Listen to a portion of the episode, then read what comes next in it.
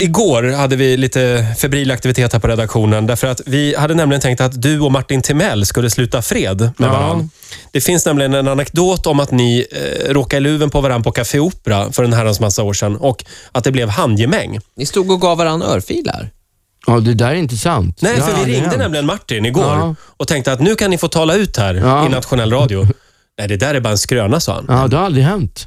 Men var kommer en sån där skröna ifrån? jag har aldrig varit ovän med honom. Jag har aldrig bråkat med honom en enda gång. Jag Jag lite förstår. illa tycker om honom. Men jag tycker illa om de flesta. Ja, det är sant i och för sig. Jaha, så det stämmer inte. Men var det då, någon annan du st- stod och eh, slogs med? Det kan det ha varit. Jag slåss ju väldigt ofta. Som var lik Martin jag är, ju- Timell. jag är ju en känd fighter. kan det vara hans bror kanske? Ja, Anders. Ja, men det finns en annan eh, anekdot. Ja, gör det det? Det var när Inte du, om mig, träffade, va? jo, när du träffade Ulf Lundell på en herrtoalett. Den, men den är faktiskt sann. Den är sann. Ja, Kan du återge den? ja jag, ska, jag, jag är inte säker på att jag kan åt, återge den. Det kan vara, jag tror att det var Café Opera eller också så var det eh, ett ställe som heter Ritz som ligger här på Söder. Eh, vad heter det? Malmen hotell. Mm. Vid Medborgarplatsen. Ja, just det. Ja, hur fan var Du det? träffar Ulf Lundell på en Jo, på en herrtoalett. toalett. Han står och pissar. eh, Och, eh, jag tror att det kan vara så att jag säger så här. Tjena Hötorgspoeten.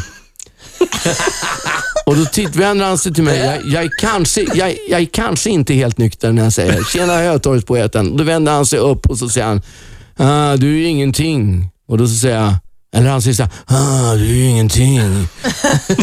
och då säger jag, jag är hellre ingenting än en Hötorgspoet. Och sen var det igång. Nej, sen, d- där- sen lommade han iväg. Alltså. Och det här är sant. Det var så du hade tänkt historien eller? Ja, precis Eller hade så. du någon bättre? För en Nej. skröna kan ju bli bättre. Nej, ja, vet, men du, d- vet du? Du följde exakt manus. Nej, gjorde jag det? Ja, för jag har den nedskriven här. Ja, jo, hela men den konversationen. Där, jag, jag tror att den där är sann. Jag kan inte, jag kan inte svära på Har ni den. träffats efter det?